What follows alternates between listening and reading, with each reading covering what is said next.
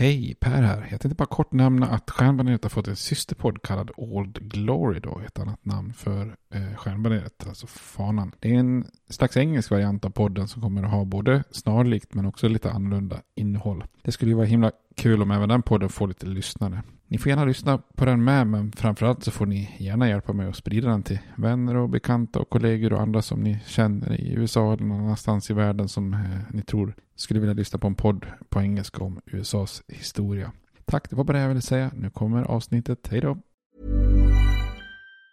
Hi, I'm Daniel, founder of Pretty Litter. Did you know cats tend to hide symptoms of sickness and pain? I learned this the hard way after losing my cat, Gingy. So I created Pretty Litter, a health monitoring litter that helps detect early signs of illness by changing colors, saving you money and potentially your cat's life. Pretty Litter is veterinarian developed, and it's the easiest way to keep tabs on your fur baby's health right at home. Go to prettylitter.com and use code ACAST for 20% off your first order and a free cat toy. Terms and conditions apply. See site for details. I'm Sandra, and I'm just the professional your small business was looking for. But you didn't hire me because you didn't use LinkedIn jobs. LinkedIn has professionals you can't find anywhere else, including those who aren't actively looking for a new job but might be open to the perfect role, like me.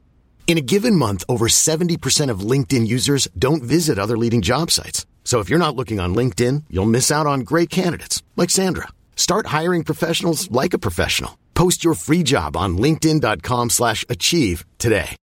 Millions of people have lost weight with personalized plans from Noom, like Evan, who can't stand salads and still lost 50 pounds. Salads, generally, for most people, are the easy button, right? For me, that wasn't an option. I never really was a salad guy. That's just not who I am. But Noom worked for me. Get your personalized plan today at Noom.com. Real Noom user compensated to provide their story. In four weeks, the typical Noom user can expect to lose one to two pounds per week. Individual results may vary.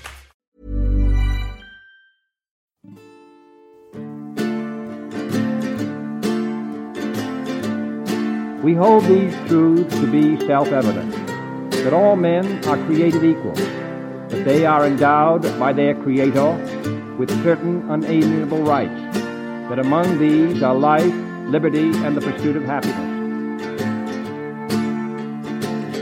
Now we are engaged in a great civil war, testing that government of the people, by the people, for the people, shall not perish from the earth.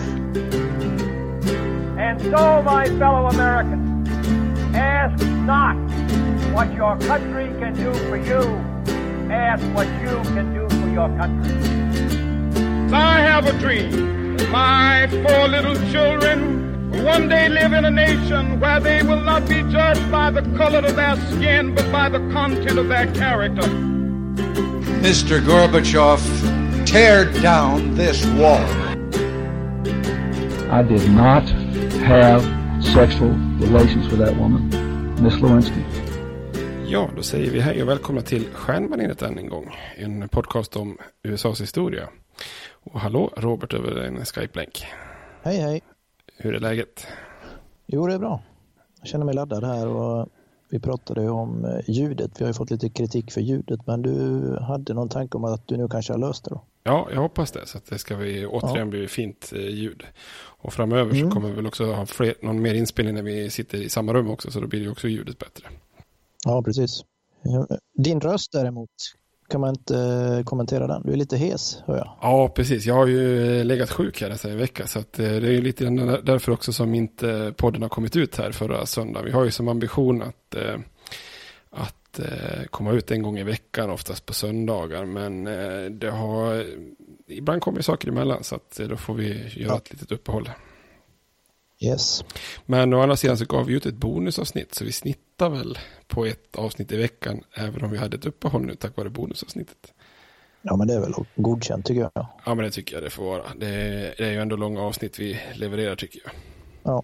Ska du köra någon äh, återkoppling här vad det kommer handla om idag? Ja, precis. Vi har ju fått lite synpunkter att det vore bra om vi sammanfattar lite mer i slutet och början. Så att vi får lägga in lite liten äh, recap och cliffhangers tycker jag på avsnitten här. Och se så att vi, så vi vet vart vi är i den här översiktsserien som vi ska fortsätta nu då. Ja. Och äh, vi kan väl säga att egentligen har vi ju i de tidigare avsnitten nu klarat av två ganska stora eror i USAs historia och tidsperioder. Eh, dels den koloniala perioden som ju är ganska, väldigt lång tidsmässigt som vi eh, hann med på ett antal avsnitt.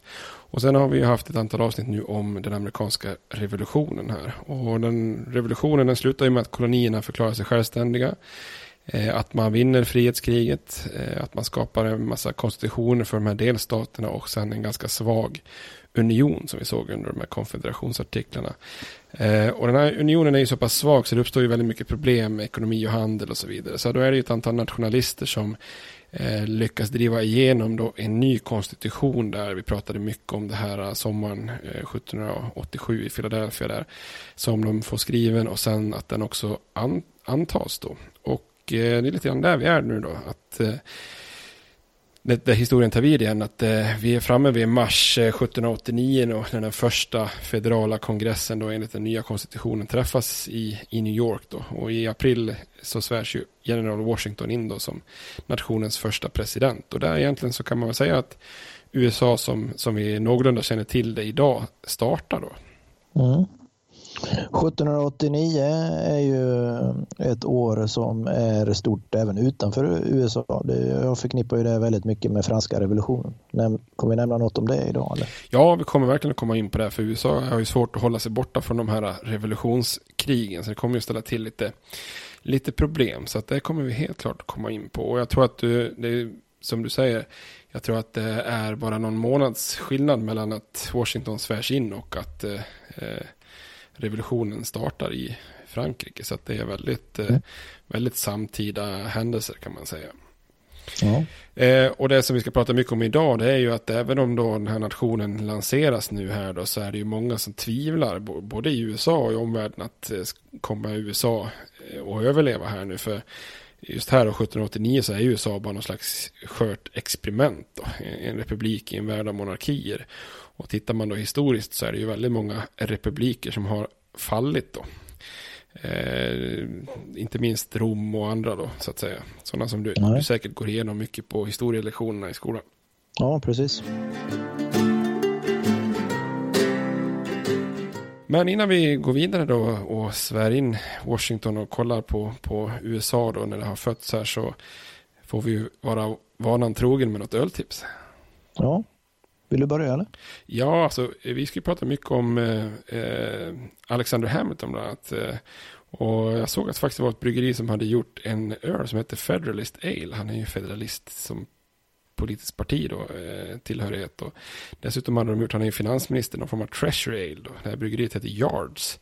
Men det är lite dumt att rekommendera en öl som ingen mm. får tag på, men den var ju spot on för avsnittet. Eh, men annars, jag tänkte på, vi sätter fokus på mm. den amerikanska republiken mm. nu. Du hade någon tanke där? Ja, jag, jag tänkte på det att eh, Washington kommer väl här som första president då. Och då tänkte jag på den här Jämtland presidentöl. En eh, lager. Jämtlands är ju bryggeriet då. Mm. Ja, men den är ju eh, Den är fin. Ja, vad heter Jämtlands ja. president? Är det inte Evert Ljusberg? ja, är det, lever han fortfarande? Ja, jag har varit också osäker. Har han valt någon nu? Ja, det var han som jag var med. Jag borde kunna detta. Jag, jag är ju halvjämte också. ja, just det. Från jämt. Just det, just det. Men ja, hur var det? Han, han var med, det var det här historieprogrammet. Vad heter det? Har du hört den förut? Jag trodde du menade historia, alltså som ett ja. program om historia, men det var mer roliga historier. Ja, precis. Roliga historier, ja. Ja, det kanske var han som var med. Ja, annars kan man väl ölmässigt... Alltså den rekommenderar jag då. Jämt, Jämtlands bryggeri och president. Jämtlands president heter den nog till och med. Ja, det gör den ja. En ljuslager. Annars kan vi ju rekommendera ett besök bara på Ölrepubliken i Göteborg. Ett bra, bra ölställe med mycket olika öl. Ja, verkligen.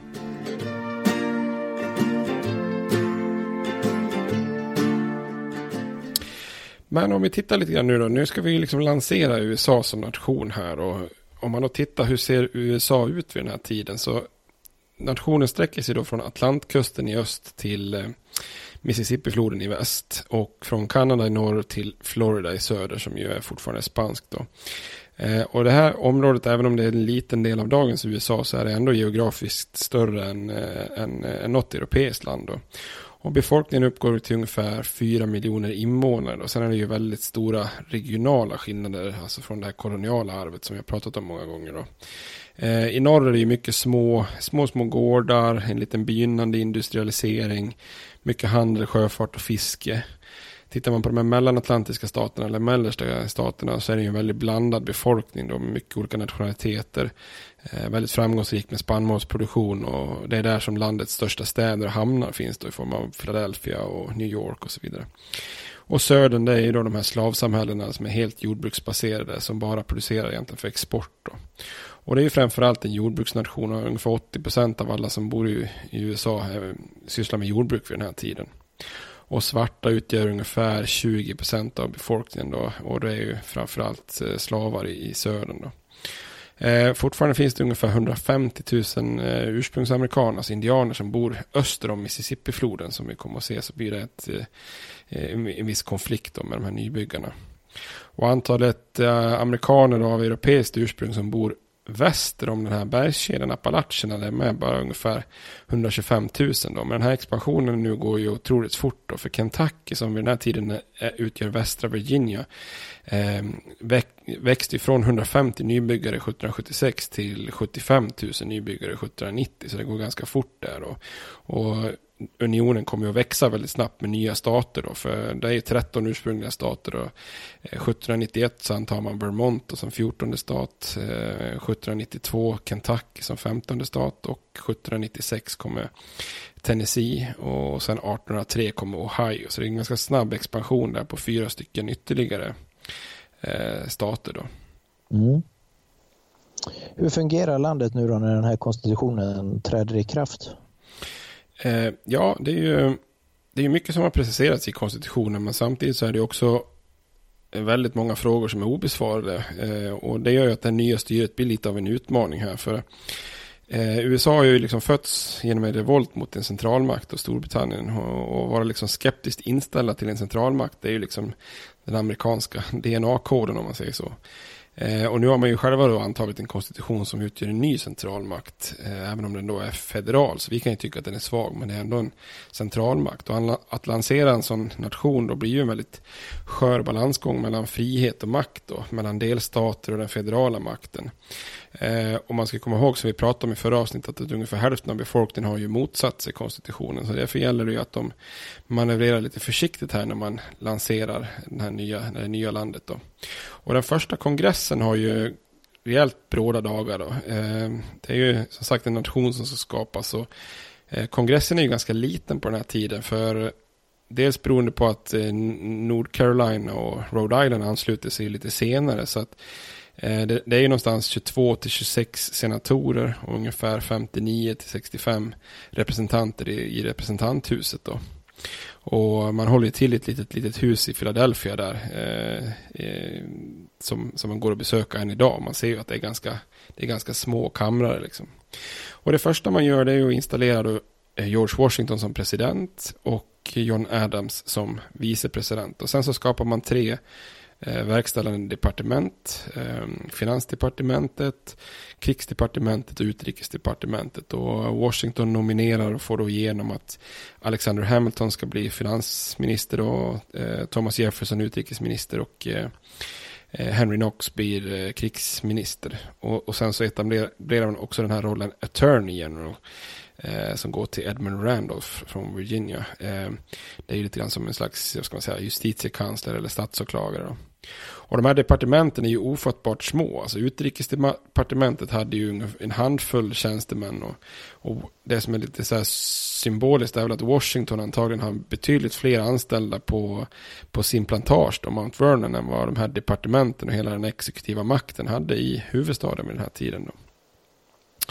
Och mm. Washington han sätter ju väldigt mycket olika standarder här. Han, det, det ena som han gör det är att han regelbundet samlar de här ministrarna för att rådfråga dem då. Och det är ju det som egentligen blir presidentens kabinett eller administration som man säger idag då. Alltså cirkusregeringen. Eh, men han sätter också en praxis där att vicepresidenten inte är med. Eh, och det här gör ju John Adams lite, lite sur. Han klagar på att han är satt på en väldigt bedrövlig post som vicepresident och inte har något inflytande överhuvudtaget. Då. Det Washington också bidrar med till presidentposten är ju att ge den en lite så högre status. Han håller mycket mottagningar i presidentbostaden, anordnar lite så här baler och fester och det blir lite som ett, vad ska man säga, som ett hovlight då. Eh, eh, och det ger ju den här rollen lite status och han är antagligen den enda som hade kunnat kommit undan med det här eftersom alla trodde på honom att, när han sa att han inte ville bli en kung då. Men annars är ju folk väldigt skeptiska på den här tiden i USA mot allt som liknar hov och kungligheter på något vis. Då. Ja. Eh, sen så skapade också kongressen ett system för federala domstolar genom en, eh, en lag 1789 Eh, för att i konstitutionen har man ju inte nämnt så mycket om högsta domstolen. Eh, så man utser, eller Washington utser John Jay från New York som, eh, som ny chefsdomare och fem stycken domare till i högsta domstolen och sen ett antal lägre federala domstolar och distrikt. Så att eh, här har man ju liksom verkligen försökt att, att sätta lägga grunden till det juridiska systemet på federal nivå. Och sen är det ju en av de viktigaste sakerna man gör då i den här första kongressen. Det är att man behöver läka de här såren från den här kampen mellan förespråkare och motståndare till konstitutionen. Då, som kallas för federalister och antifederalister som vi pratade om förra gången. Då. För deras främsta kritik mot konstitutionen var att det inte fanns någon sån här rättighetskatalog. Eh, till exempel med individuella rättigheter som rätt till jury och sånt där. Som oftast fanns då i delstaterna. Och många tyckte att det här måste finnas på federal nivå också. Eh, och flera stater har ju också godkänt konstitutionen lite sådär villkorat mot ett löfte om att det faktiskt skulle skapas en sån här eh, rättighetskatalog, då, det som blir Bill of Rights.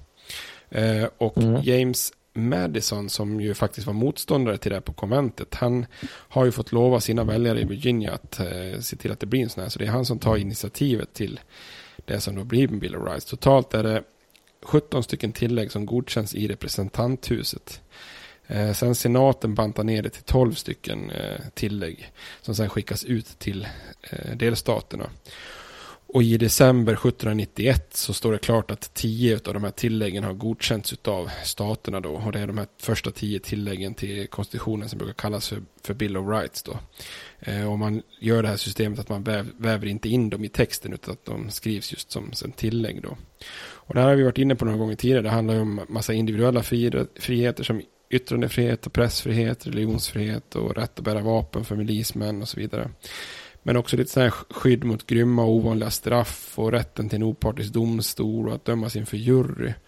Men i många, idag när man tänker på Bill of Rights eh, så är det många som tänker bara på individuella rättigheter. Men det, det som var central, centralt för de här antifederalisterna det var ju också att man ville begränsa den nationella eller federala makten. Eh, så att det finns också ett par tillägg som handlar om just det här. Eh, där man reserverar då att alla befogenheter som inte särskilt har delegerats till den här nationella makten då ska vara reserverad för eh, delstaterna. Så man liksom skriver in det här federalism i, i de här Bill of Rights. Och ett av de här förslagen som skickades ut till delstaterna faktiskt, som inte godkänns här, det är så lustigt för det godkänns helt plötsligt av en, så många delstater att det träder i kraft 1992. så det är en ganska lång process. Mm. Eh, det är det 20... Ja, det får man säga. ja, så det är det 27 tillägget som handlar om att man eh, handlar om kongressens lön, att det måste gå något val emellan om man, om man höjer sina löner. Så att säga. Så att, eh, ja, men vi kan väl ha ett eget avsnitt egentligen om de här Bill of Rights framöver, för det är ju intressant. Eh, det, är väldigt intressant här att det sitter så hårt inne att det ska bli något, för att det här är ju det som många idag ser som den allra, nästan kanske viktigaste delen av konstitutionen ibland. Men allt det här så gör ju den första kongressen under de första sex månaderna här, april till september 1789 då. Men den andra mest kritiska uppgiften nu för den federala unionen det är ju ekonomin då. Och när Washington intar sin post så är ju unionen och landets ekonomi i väldigt bedrövligt skick då. Eh, och en av de första åtgärderna det är ju att skapa någon form av intäkter och det gör man genom att etablera tullavgifter. Eh, och redan där uppstår det vissa diskussioner. Alltså, ska den ekonomiska politiken gynna Storbritannien eller ska den gynna, gynna Frankrike? Så att redan där kommer det in lite, lite eh, diskussioner så att säga. Mm.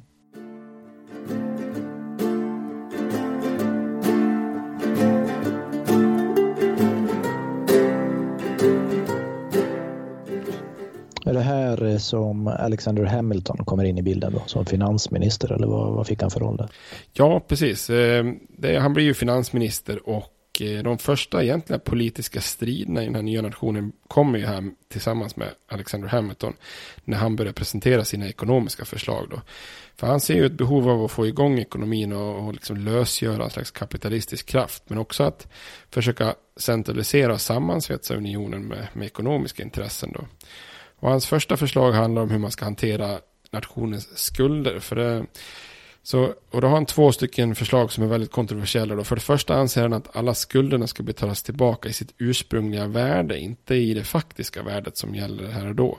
Och det här gynnar ju då spekulant, spekulanter, många alltså, rika och utländska som har köpt upp skulder som de ursprungliga innehavarna av värdepapperna inte man har känt sig tvingade att sälja då, till exempel med soldater och vanligt folk. Då. De har sålt till en liksom, väldigt mycket lägre värde så har man spekulerat och köpt upp de här, eh, de här värdepapperna och nu gynnas ju de otroligt mycket då ifall man betalar tillbaka utifrån det ursprungliga värdet. Då. Ja. Eh, dessutom så föreslår han att den här federala makten då ska ta över alla delstaternas skulder. Då. Alltså man har ju skulder på olika plan här i, från revolutionen och från kriget. Då. Och det här blir ju väldigt kontroversiellt för i södern så är det väldigt många stater då förutom kanske Sydcarolina som har betalat av ganska stora delar av sina skulder. Eh, speciellt till exempel Virginia då, som har sålt mycket mark i väster och betalat av sin skuld rejält. Eh, som Virginia motsätter sig det här ganska starkt. Medan flera stater i norr, speciellt uppe i New England i öster, de har ju dragit på sig stora skulder och inte betalat tillbaka så mycket. Så de är givetvis ganska nöjda för det här, över det här förslaget. Då. Och Hamilton som är ju liksom en sann nationalist och kapitalist, han vill ju öka den här federala statens makt och centralisera ekonomin. Och han vill också säkra upp att eliten och de här rika handelsmännen ska vara lojala mot unionen då. Och det här blir ju inte populärt heller i, i södern som är lite mer jordbruks, eh, jordbruksanpassat då. Och här kommer ju då den stora chocken för Hamilton, eller egentligen då den stora brytningen när, när det verkligen går, olika intressen går i clinch då. Därför att Tidigare har ju James Madison från Virginia som jag pratat om och Alexander Hamilton varit väldigt drivande i att skapa den här konstitutionen och varit liksom nationalister. Men Madisons nationalism den stannar liksom här medan Hamiltons fortsätter. Och Madison han har ju också insett att han har nästan fått svårt att bli vald till kongressen därför att i Virginia är man så pass starkt emot den här centralmakten så att ska han överleva politiskt så måste, kan inte han gärna fortsätta utan han måste nästan backa i sin nationalism då. Så det innebär att Madison då chockar sin gamla vän här genom att börja leda oppositionen mot Hamiltons ekonomiska program då. Så det här första förslaget att finansiera enligt ursprungsvärde, det röstas igenom mot Madisons vilja, då, precis som Hamilton vill. Men det här förslaget att den federala makten ska ta över delstaternas skulder, det ser då Madison till att det röstas ner i representanthuset. Så då uppstår det någon slags liksom dödläge här. Eh, och det är då man tar till den här så kallade kompromissen 1790 där. För då har precis Jefferson åter, Thomas Jefferson återvänt till, eh, till USA från en diplomatiska uppdrag då. Och han, eh, Hamilton ber Jefferson om hjälp och Jefferson bjuder hem då både Hamilton och Madison som man känner bra då på middag. Och enligt legenden då så ska man ha nått en kompromiss på den här middagen där, där Madison ser till att kongressen röstar igenom förslaget att den här federala makten tar över statsskulderna då i utbyte mot att den framtida huvudstaden placeras i södern. Och det här är någonting som som var viktigt för slavstaterna. Jefferson själv, han, han ångrar ju det här senare. Han förstår ju att huvudstadens placering hade mindre påverkan på nationens eh, inriktning än, den ekonomiska politiken. Men för många slavägare var det här jättebra att eh, huvudstaden hamnade i söder. För annars hade man inte kunnat tagit med sig sina slavar till, till huvudstaden när man eh, eh tjänstgör liksom i någon form av position där. Så då bestämmer man att den nya huvudstaden då, man har ju inte riktigt kommit överens om vilken stad som ska vara huvudstad. Man har ju då sagt, sagt gjort ett förslag att det ska finnas ett, ett slags huvudstadsdistrikt då. Och då, ja. då säger man att det nya huvudstadsdistriktet ska byggas längs Potomacflodens strand och på mark som både Maryland och Virginia avträder då en liten fyrkant. Och för att hylla Washington så ska den ju då heta eh, Columbia, då, eller, eller vad säger jag, Washington staden då och distriktet ska heta eh, Columbia efter en av de symbolerna som används ofta för att representera USA så blir det District of Columbia då. Dessutom så lägger man in i den här kompromissen att huvudstaden ska flytta från New York där man är just för tillfället då och fram tills dess att den här nya staden Washington är byggd så ska huvudstaden läggas i Philadelphia kommande tio år. Och det här gör att det är många i, i Pennsylvania som också är, egentligen var emot att flytta huvudstaden söderut. Men de går med på det här för de tror kanske att eh, äh, det kanske inte blir byggd den här staden. Då kommer vi att få Philadelphia som huvudstad framöver också. Då. Ja, just det. Är det helt tomt där då, det här stället som de väljer vid floden där? Ja, i princip. Det, det, det, det, är ingen liten by som man sedan utökar, eller det, det är bara här ska, det, här ska det ligga så att säga och så bygger man upp då. Precis, lite som eh, statyn i Göteborg, här ska staden mm. ligga, så pekar man. Ja, ja nej, faktiskt det är, det är så. Man, man in, eh, inkluderar egentligen eh, en liten en liten, liten by som heter Georgetown som ju blir lite grann av gamla stan i Washington. Då. Så den kommer att införlivas i det huvudstadsdistriktet. Så det är den enda bebyggelsen som egentligen finns när, man, när man sen då bygger staden. Så det, det, är rätt, det är egentligen bara en träskmark.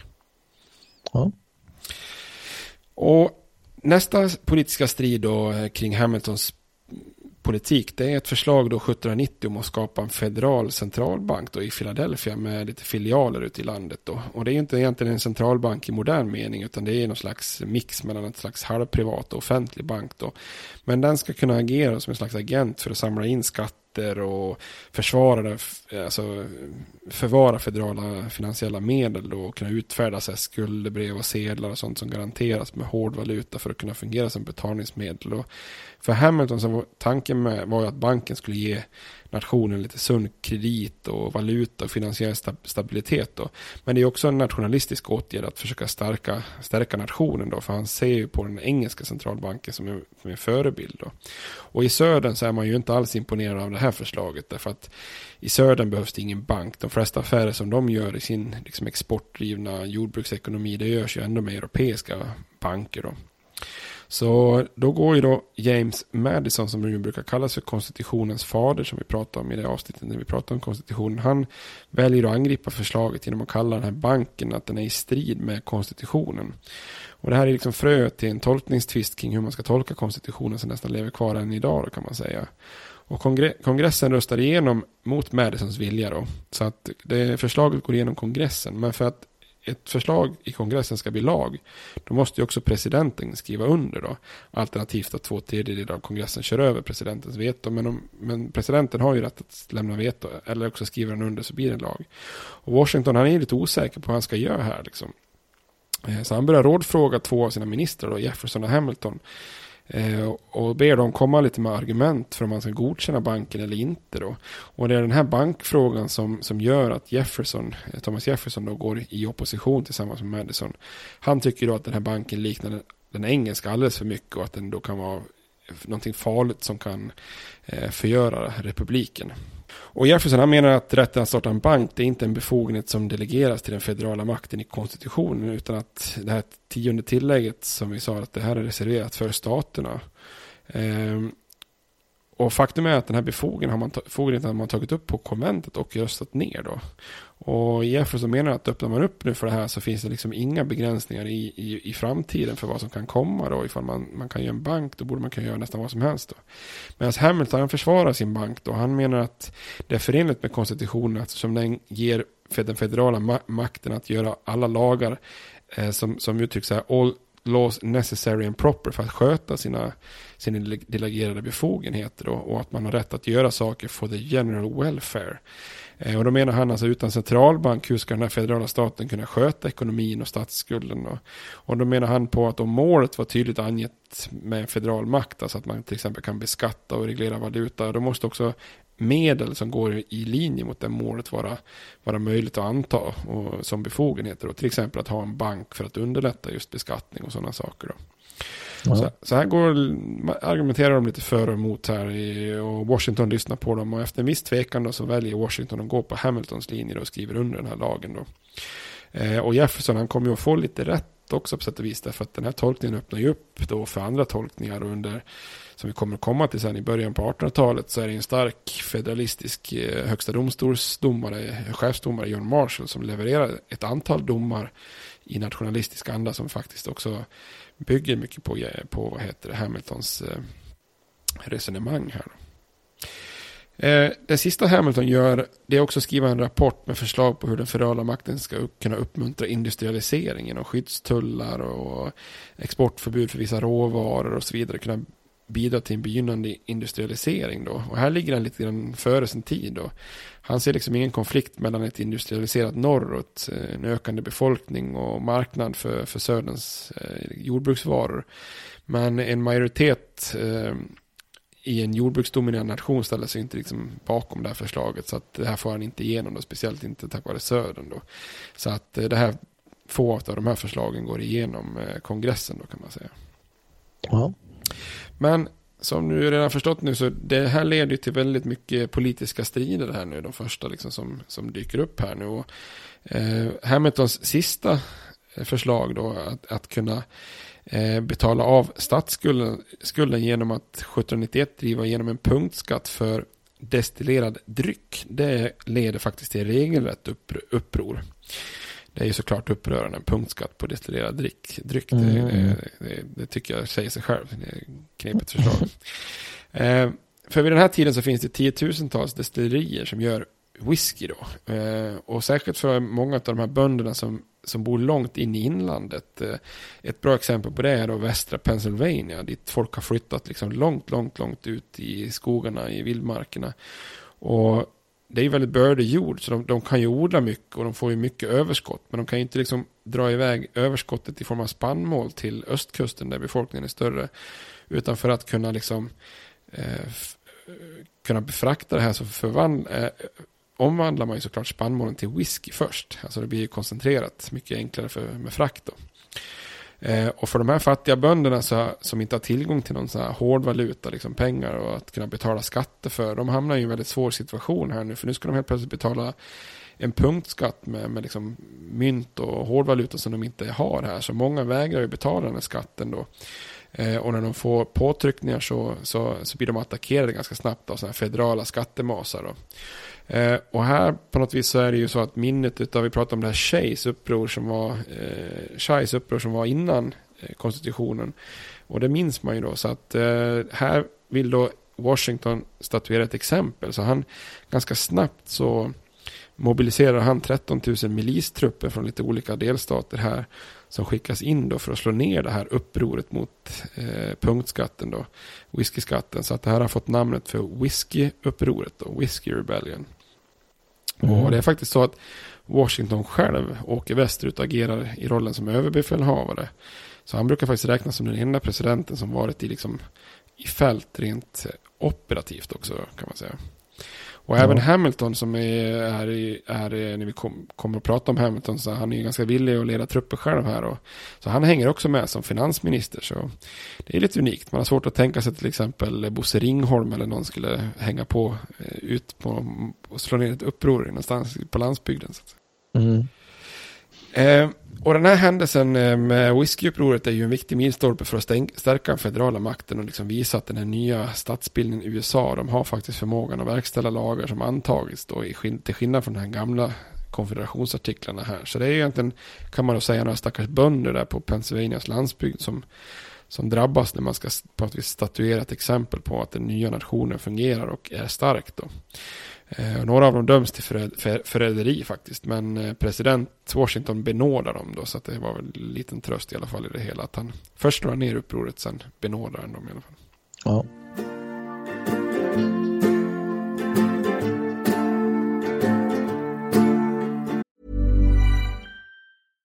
Cool fact a crocodile can't stick out its tongue. Also, you can get health insurance for a month or just under a year in some states. United Healthcare short term insurance plans, underwritten by Golden Rule Insurance Company, offer flexible, budget friendly coverage for you. Learn more at uh1.com. Hey, it's Ryan Reynolds, and I'm here with Keith, co star of my upcoming film, If, only in theaters, May 17th. Do you want to tell people the big news? All right, I'll do it. Sign up now and you'll get unlimited for $15 a month in six months of Paramount Plus Essential Plan on us. Mintmobile.com slash switch. Upfront payment of $45 equivalent to $15 per month. Unlimited over 40 gigabytes per month. Face lower speeds. Videos at 480p. Active Mint customers by 531.24 get six months of Paramount Plus Essential Plan. Auto renews after six months. Offer ends May 31st, 2024. Separate Paramount Plus registration required. Terms and conditions apply if rated PG.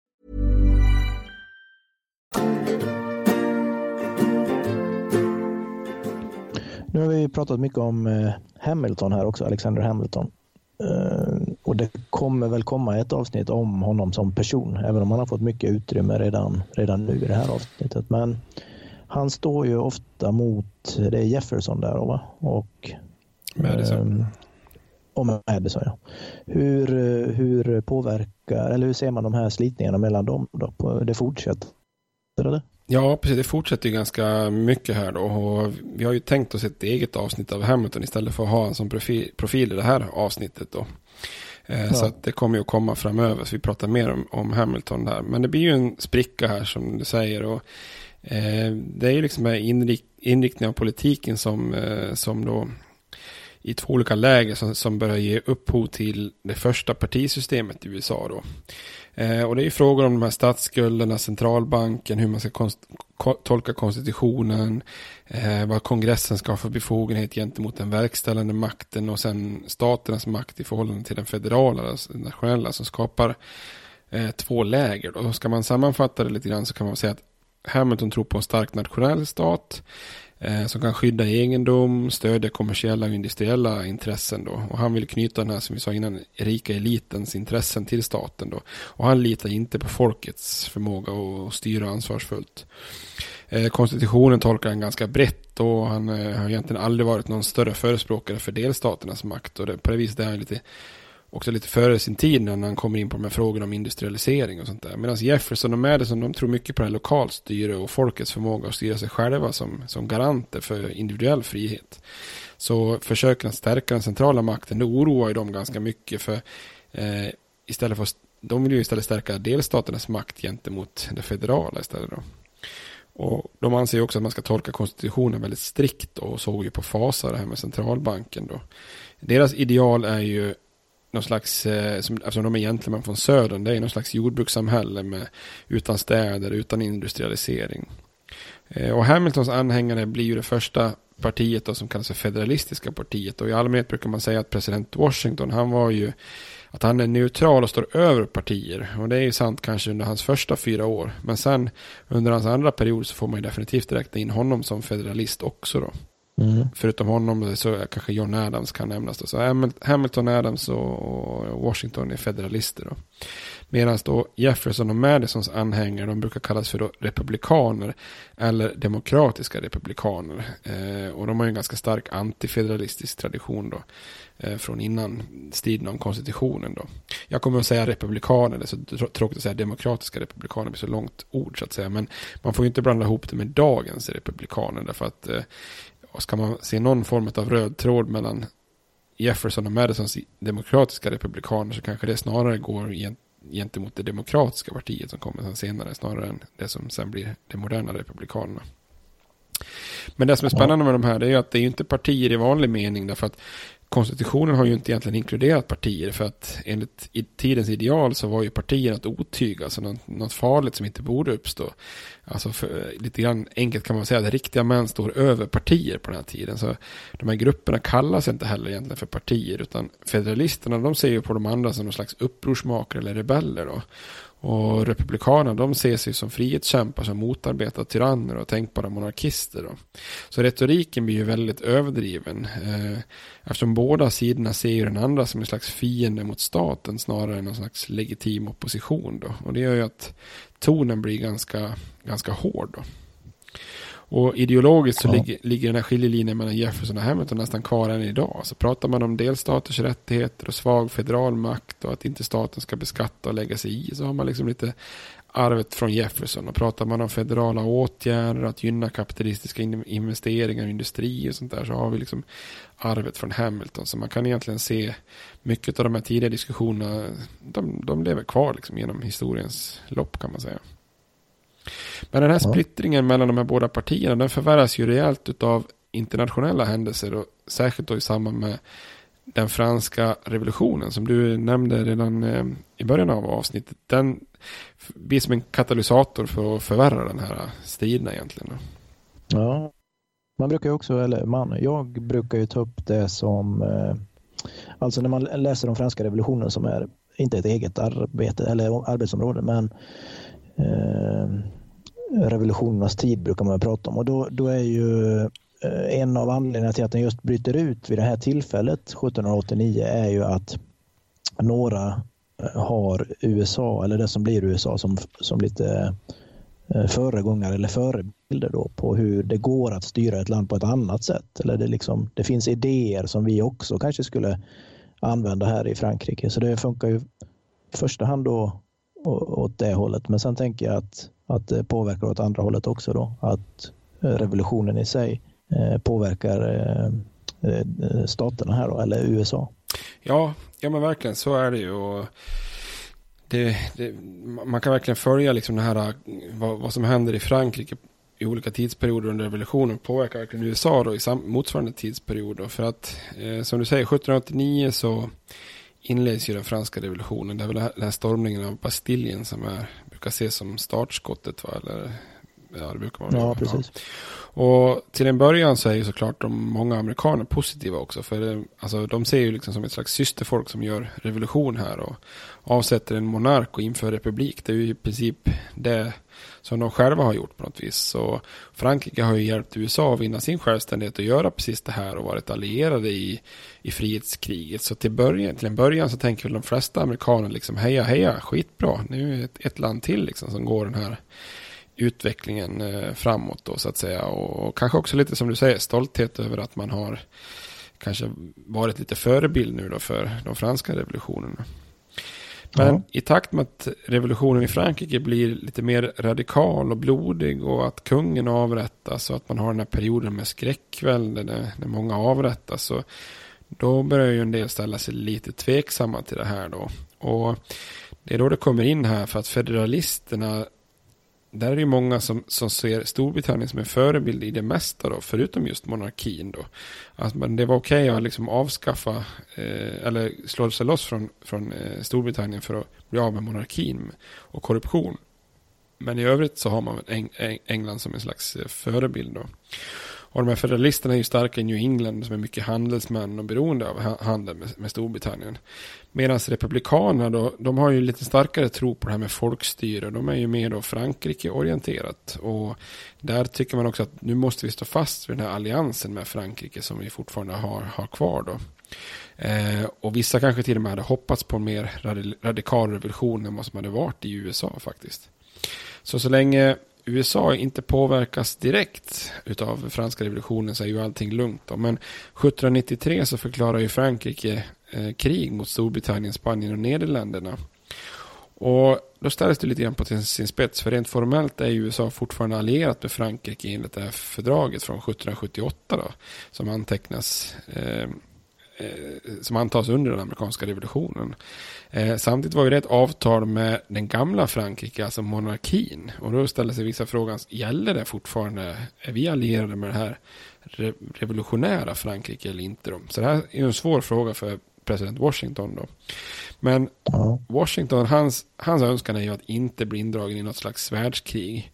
Eh, han förstår ju att USA är ung, ung nation som som har, har problem att överleva redan som det är. Så att, eh, I april 1793 så utfärdar han en proklamation om att USA ska vara neutralt i den här konflikten och att man vill ha fred med samtliga länder. Och han uppmanar alla amerikaner att inte begå några provocerande handlingar. Och här får han ju bland annat ta emot ganska mycket skit från han Thomas Paine som vi sa som var viktig eh, skrev så här viktiga skrifter som den här Common Sense och så under revolutionen i Amerika. För han har ju åkt över till Frankrike och är delaktig där med revolutionärerna då. Eh, mm. Och här sätter ju egentligen Washington lite standard för USAs hållning gentemot europeiska krig fram till nästan 1900-talet. Alltså det som händer i Europa angår inte USA, liksom det här lite isolationistiska hållningen då. Eh, eftersom utrikesminister Jefferson då, han är ju fransk väldigt inställd. Och Washington, han uppenbarligen lyssnar ju mer på finansministern Hamilton som är pro-England. Så det gör faktiskt att, att eh, det får till följd att Jefferson avgår som, som eh, utrikesminister. Sen blir det lite värre också för Frank mm. Frankrike skickar också en inte jättediskret och försiktig diplomat till USA som heter Edmond Genet, eller vad man ska uttala det. Brukar kallas för medborgare Genet, eller citizen Genet. Eh, och han dyker upp där på den amerikanska kusten och börjar öppet uppmana en massa amerikaner att attack attackera brittiska skepp. Och han till och med utfärdar sådana här franska kapabrev till amerikanska skepp. Att de får, de får kapa brittiska skepp i franska kronans namn. Liksom. Och det, här, det här går ju, så, så, en sån diplomat kan man ju ta på plats. Liksom. Det går inte att styra över honom. Så att eh, Washington begär ju ganska omedelbart att han faktiskt skickas hem då. Eh, men i, i, praktiken faktiskt så stannar han därför att han eh, inser att åker han hem så kommer han att drabbas av det här skräckväldet och giljotinen. Så att han stannar kvar i USA och mm. blir, blir en liten laglydig privat eh, medborgare som gifter sig och bor kvar i USA faktiskt. Okay. Men USA får ju väldigt svårt att inte påverkas av det här kriget. Och för Storbritannien i sig innebär ju problem på flera områden. För det första har ju Storbritannien fortfarande trupper kvar på vissa poster i väst i västra USA som är, står i direkt brott mot fredsfördraget. Och från de här forten i väster så uppmanar man en massa indianstammar att anfalla då nybyggare i Ohiodalen.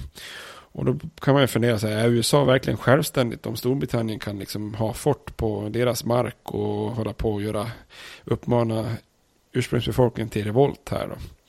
Eh, så det är ju mycket bekymmer just den här perioden med upproriska indianstammar som motsätter sig nybyggare i västern. Och det leder till att Washington skickar trupper västerut. Eh, och under åren 1790 till 91 så är det faktiskt två amerikanska arméer som besegras av koalitioner av olika indianstammar. Så det går inte så jättebra med de här indiankrigen för, utifrån en, ett amerikanskt perspektiv där då. Men sommaren 1794 så skickar Washington en, en, en, lite mer trogen general från revolutionen där som brukar kallas för Mad Anthony Wayne. Eh, han vill man inte bråka med känner man. Mad Anthony. Det låter hårt. Eh, så han skickas västerut och besegrar ett antal stammar då i en grundlig drabbning. Eh, kallas för Fallen Timbers då. Och i det fördraget som de tvingas skriva på där, indianerna, så får de avträda ganska stora delar av dagens Ohio och Indiana där i nordost, eller nordväst. Eh, och den här segern är viktig eftersom då bestämmer sig för Storbritannien att, att slutligen då dra, tillbaks från, dra sig tillbaka från de här forten i, i väster. Då. Men problemet med Storbritannien är inte över för att Storbritannien utfärdar ett antal proklamationer och börjar stoppa amerikanska skepp. Eh, och det gör man bland annat därför att man behöver folk till den brittiska flottan. Så att man börjar helt enkelt tvångsrekrytera amerikanska sjömän eh, in i den brittiska flottan. Då. Och det är ju egentligen liksom ja, ska man säga, det är ju egentligen en form av kidnappning. Liksom. Du måste tjänstgöra här på vår ja, båt. Liksom. det låter det som. Ja, det kan inte vara jättekul. Men, jag tar tjänst här på en amerikansk handelsbåt och sen bara, ja, nej, nu vart vi stoppade av britterna här. Nu måste jag tydligen tjänstgöra den brittiska flottan högst lux. Det kan ju inte mm. vara en mm. jätte, det, det, det, kan ju förändra någons vardag kan jag tänka mig. Fan, det, ja. det, är svårt att hämta och lämna på förskolan om man helt plötsligt bara befinner sig på ett brittiskt skepp. Eh, och eh, i det här krisläget då så skickar Washington högsta domstolens domare John Jay för att protestera och förhandla med britterna. Och Jay han kommer tillbaka med ett ganska dåligt fördrag som nästan bara gynnar britterna och han får utstå enormt mycket kritik från republikanerna. Och enkelt kan man säga att det här fördraget, det enda fördraget gör är att undvika krig, men i nästan övrigt så, eh, i nästan allt annat så offrar amerikanerna sin suveränitet och neutralitet. Men Washington, han vill ju undvika krig till vilket pris som helst nästan. Och och alltså det, ja, man tänker sig att ett krig skulle i värsta fall kunna göra att Storbritannien återerövrar eh, och koloniserar eh, eh, de eh, amerikanska staterna igen. Då. Så han skriver under det här fördraget och skickar det till senaten för godkännande. Och då blir det ju väldigt mycket bittra strider då. För många i norr där handeln med Storbritannien är viktig och federalisterna är lojala mot Washington. De ställer sig bakom fördraget. Men många i södern då, främst Jefferson och hans opposition av republikaner är ju kritiska då. Och i det här representanthuset så kräver Republikanerna faktiskt att få se alla dokument som gäller de här förhandlingarna och, och det här fördraget. Men, men Washington, han sätter en ganska viktig praxis för han vägrar visa de här. Han säger att det enda sättet som ni kan få se de här dokumenten det är om ni inle, inleder riksrätt mot mig då. Alltså en sån här impeachment. Och då har han helt, plötsligt, då har han helt plötsligt satt sin så här enorma prestige på frågan då. För ska du, ja, ska du se dokumenten då måste du ställa den här stora hjälten från revolutionen så inför riksrätt. Så det, då, det gör de ju inte då. Så det här fördraget lyckas röstas igenom då 1795 med minsta möjliga marginal då. Och det som får det hela liksom att tippa över till att det faktiskt går igenom till slut. Det är ju en massa goda nyheter. Dels den här med Anthony Waynes seger vid Fallen Timbers. Dels att britterna har dragit sig tillbaka från väster. Men också att eh, nyheter om att eh, Thomas Pinkney, en annan eh, diplomat, har förhandlat fram ett fördrag med Spanien som sätter som reglerar gränserna i sy sydväst och som ger USA rätten att navigera på Mississippifloden och skeppa ut varor via New, New Orleans då, som tillhör Spanien. Så att eh, då blir det liksom lite mer positiva nyheter även för södern då. Så att då, då går det här fördraget eh, igenom då. Men det kommer vi säkert att komma in på någon gång senare när vi pratar om presidentrollen mer. Men Washington han sätter ju väldigt mycket standarder kring, kring eh, utrikespolitiken faktiskt. Eh, därför att det står ju inte så mycket om det här i konstitutionen. Så att det gäller ju liksom att, eh, att verkligen liksom eh, testa sig fram och hitta praxis där. Det finns ju bland annat ett legendariskt tillfälle när han, det står i konstitutionen att presidenten ska, eh, ska rådfråga senaten när det gäller fördrag och sånt där. Och Eh, ja, vad innebär det liksom? Så, så när Washington har ett indianfördrag eh, på, på sitt skrivbord så tänker han att okej, okay, det står i konstitutionen att jag måste rådfråga senaten. Så då, då drar han över till senaten och kommer in där. Och där blir de alldeles förskräckta och lite överraskade. Bara, va, kom presidenten in hit? Och så säger han så här, ja, jag behöver rådfråga er om det här fördraget. Och det är ju ganska långt liksom.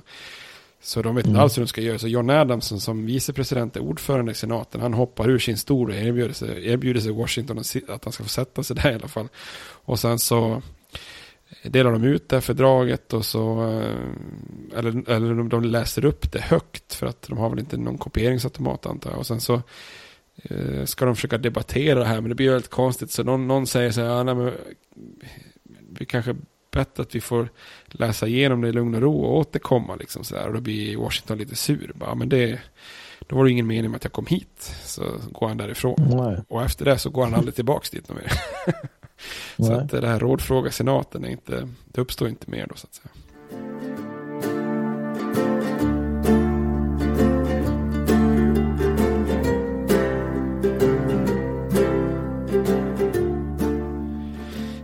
Men, eh, ja, men som du märker, det blir ju väldigt mycket mm, politiska partier och käbbel och strider. Och det är ju liksom lite anmärkningsvärt för att det är ju en väldigt fel... Käbbel sa du precis. Käbbel, ja. Tjafs. Brukar du använda det? Nej, jag vet inte varför. Jag vet inte varför det dök upp i huvudet. Men du, men du vet vem som uh, numera är känd för ordet käbbel? Nej. Löfven, visste du inte det? Jaså, nej, vad roligt. Nej. Statsministern, nej, han, han viftade ju bort när, om det var Annie Lööf som kom med något papper i någon fråga i någon debatt där och han bara sa nej käbbel, det är bara käbbel, ta bort Nej, det var, var, var jobbigt. Han använde ett ord som nästan var använt som ett äh, härskarteknik alltså. ja, ja, precis. Ja, precis. Ja, det jag tänkte. Då ska jag genast sluta med ordet käbbel. Ja, men jag, jag, tycker man kan säga att det är någon sorts politiskt käbbel här. Det tycker jag ändå är ja. okej. Ja, okay. ja, Det, är, det är ju inte riktat mot kvinnor. Kvinnor får ju inte vara med överhuvudtaget på den här Nej. tiden. Nej, det är roligt med Löfven här nu. Han försöker ju på något vis få till någon slags, att han ska bli någon slags eh, värd här och medlare mellan Nordkorea och Trump, verkar det som. Ja. Får se hur det går med det. Eh, känns ja, som det att spännande. Det, jag har svårt att se att det ska kunna gå. Det, jag tänkte på det faktiskt häromdagen. Det är ju roligt för Trump, han eh, lyfte väldigt fram att han var liksom, eh, han, eller vad heter det, finansman och sånt som, han har ju skrivit den här boken The Art of the Deal och jag kan förhandla och massa sånt där. Det har de ju faktiskt lite gemensamt fastän Löfven kommer från fackliga kretsar. Han var ju också väldigt så här, ja, jag vet hur man förhandlar och han hade väl lite problem i början som statsminister där för han trodde att allting gick att förhandla. Liksom. Det är ju inte riktigt samma sak med ja. politik. Ibland kan ju politik vara så principfast så att det är bortanför förhandlingar. Så att, ja. Ja. ja, det ska inte vara ett avsnitt om Stefan Löfven i alla fall. Nej, nej, nej. Det var bara, jag, jag reagerade bara på käbbel. Ja. Ta, ta, du var inne på politiska partier där. Du nämnde ju tidigare också att eh, det nämns väl inte då i konstitutionen, men det uppstår ändå eh, olika sidor här som sen, sen blir partier, eller hur, hur blir det? Ja, precis. Och det, ju, det, går ju ganska omedelbart. Det går ju nästan direkt liksom här att så fort konstitutionen går i, liksom i, i kraft och man sätter fart här och lanserar USA så uppstår ju partier bara på några år där och det blir fort ganska ganska eh, infekterat. Och eh, där kan man ju säga att de här grundlagsfäderna som annars hyllas så fantastiskt mycket av amerikaner och i mycket böcker och sånt där.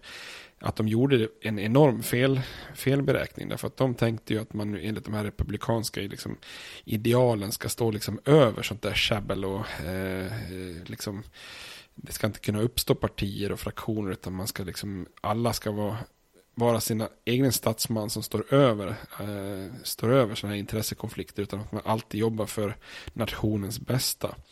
Eh, och där inser de ju ganska snabbt att här hade de ju helt fel utan att det, det, det är någonting som uppstår på en gång och som alltid kommer att finnas i amerikansk politik de med partier.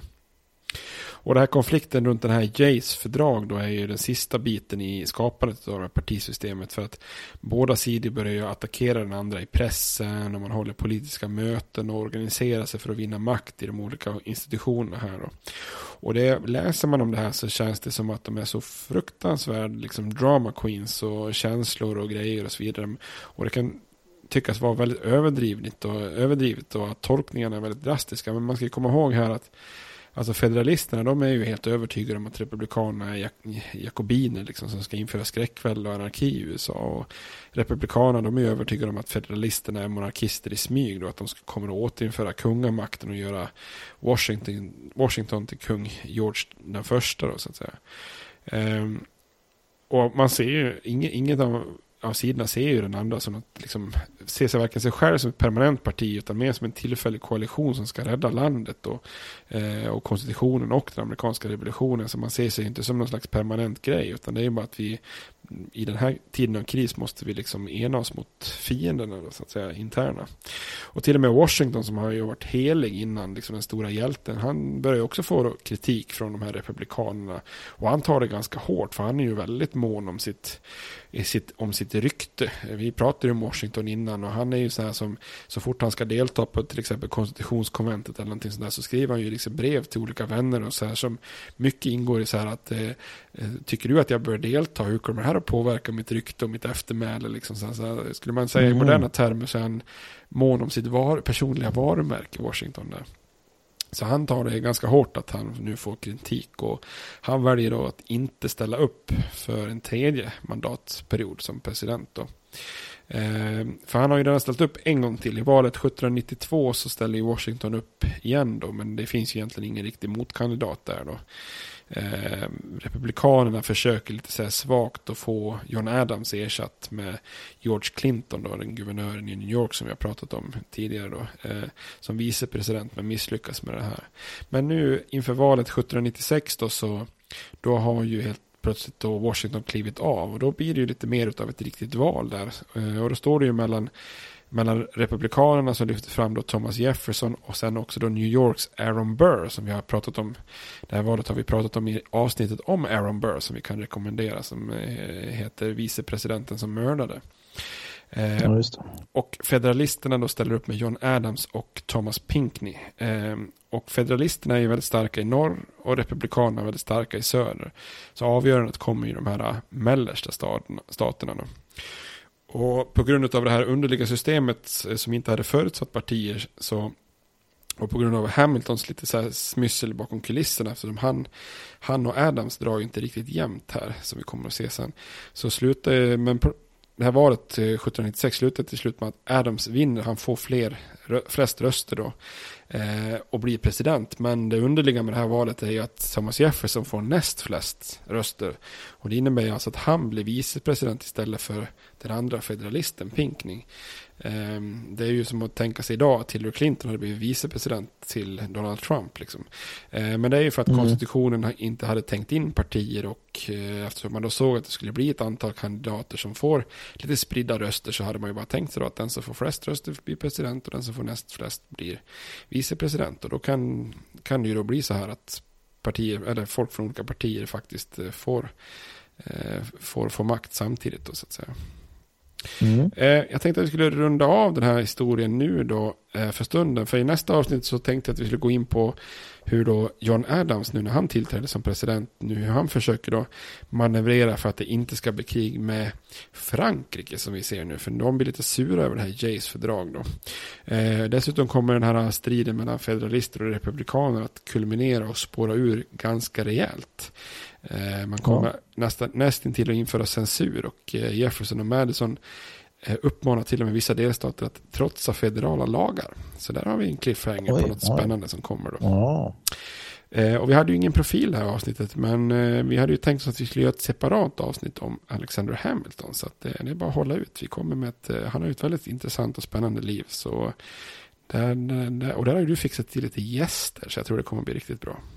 Ja, precis. Det blir jättebra. Han, eh, hans liv har ju också blivit en eh, hyllad musikal här, så det kommer vi återkomma till. Ja, precis.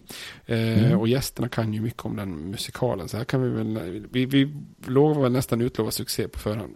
Ja, det tror jag nog att det blir.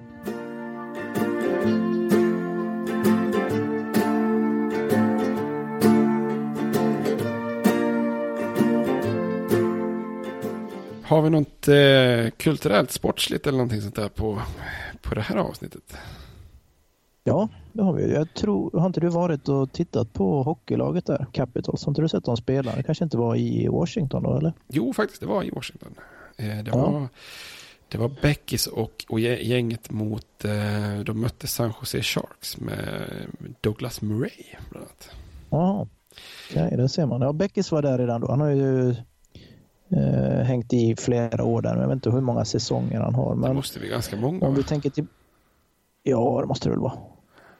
Han måste väl ha en väldigt många av sina assist då gjorda av Ovechkin, eller? Ja, känns som så här 60 procent av hans assister eller? Han bara öser in poäng. Ja, ja, det borde vara något sånt.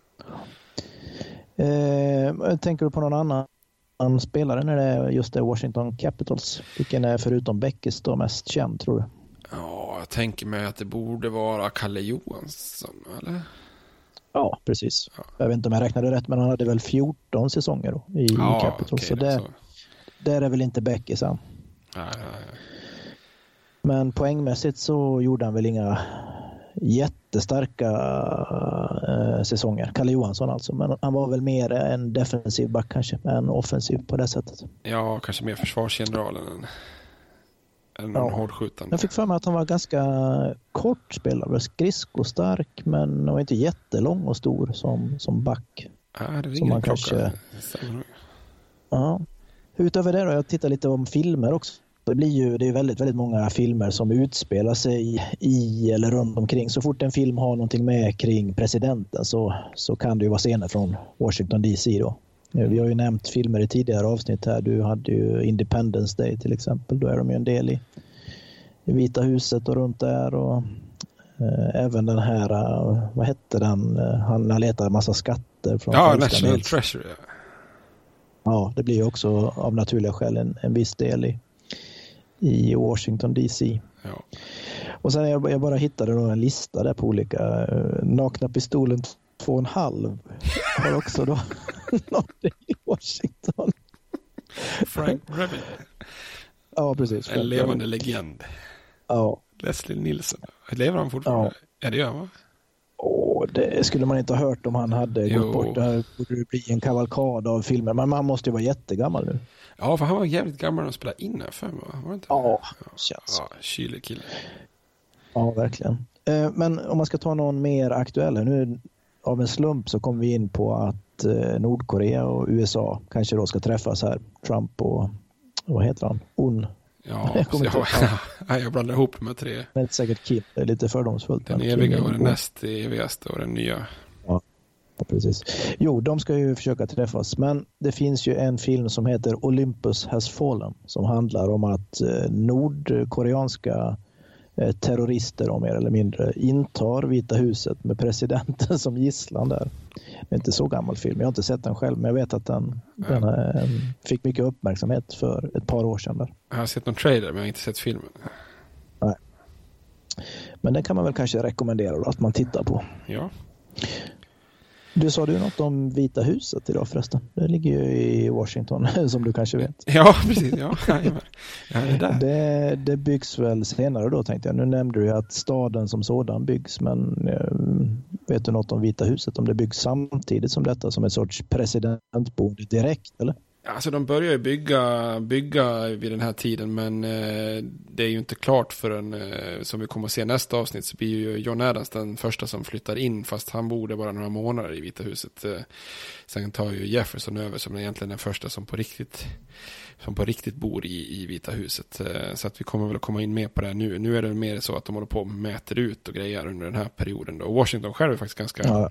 ganska engagerad i det hela och är med där och, och tittar och övervakar liksom utmätningen av huvudstadsdistriktet och så. Ja. Washington är ju, är ju med på en sedel också, vet du vilken? Är det ett? Ja, precis. En, dollar. en dollars sedeln är i Washington. Ja. finns faktiskt ett en dollars mynt också. Väldigt ovanligt att få. Eh, jag har mm. haft det en gång. Eh, sen är Washington också känd för att han är med på det här Mount Rushmore. De här bergsklipporna. Ja, och eh, det är lite roligt för han är den enda som vänder de andra tre ryggen. Om man tittar noggrant. Mm. Ja, det kan man göra om man är den största super, superhjälten. Liksom.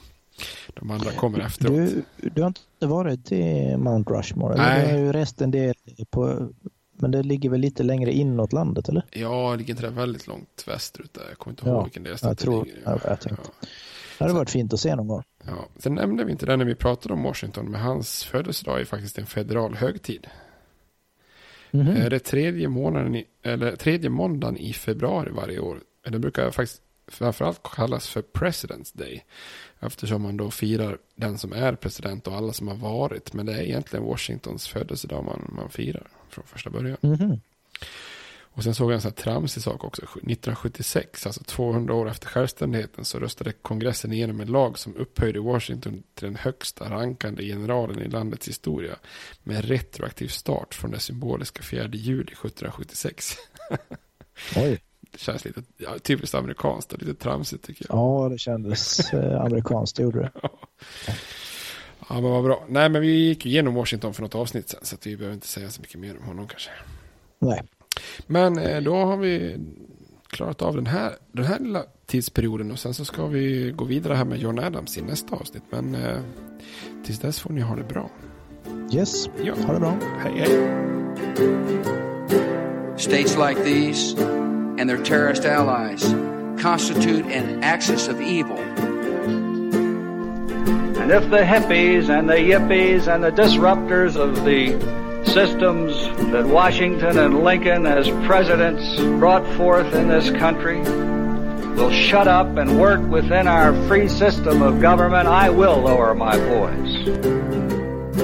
If the impeachment provision in the Constitution of the United States will not reach the offenses charged here, then perhaps that 18th century Constitution should be abandoned to a 20th century paper shredder.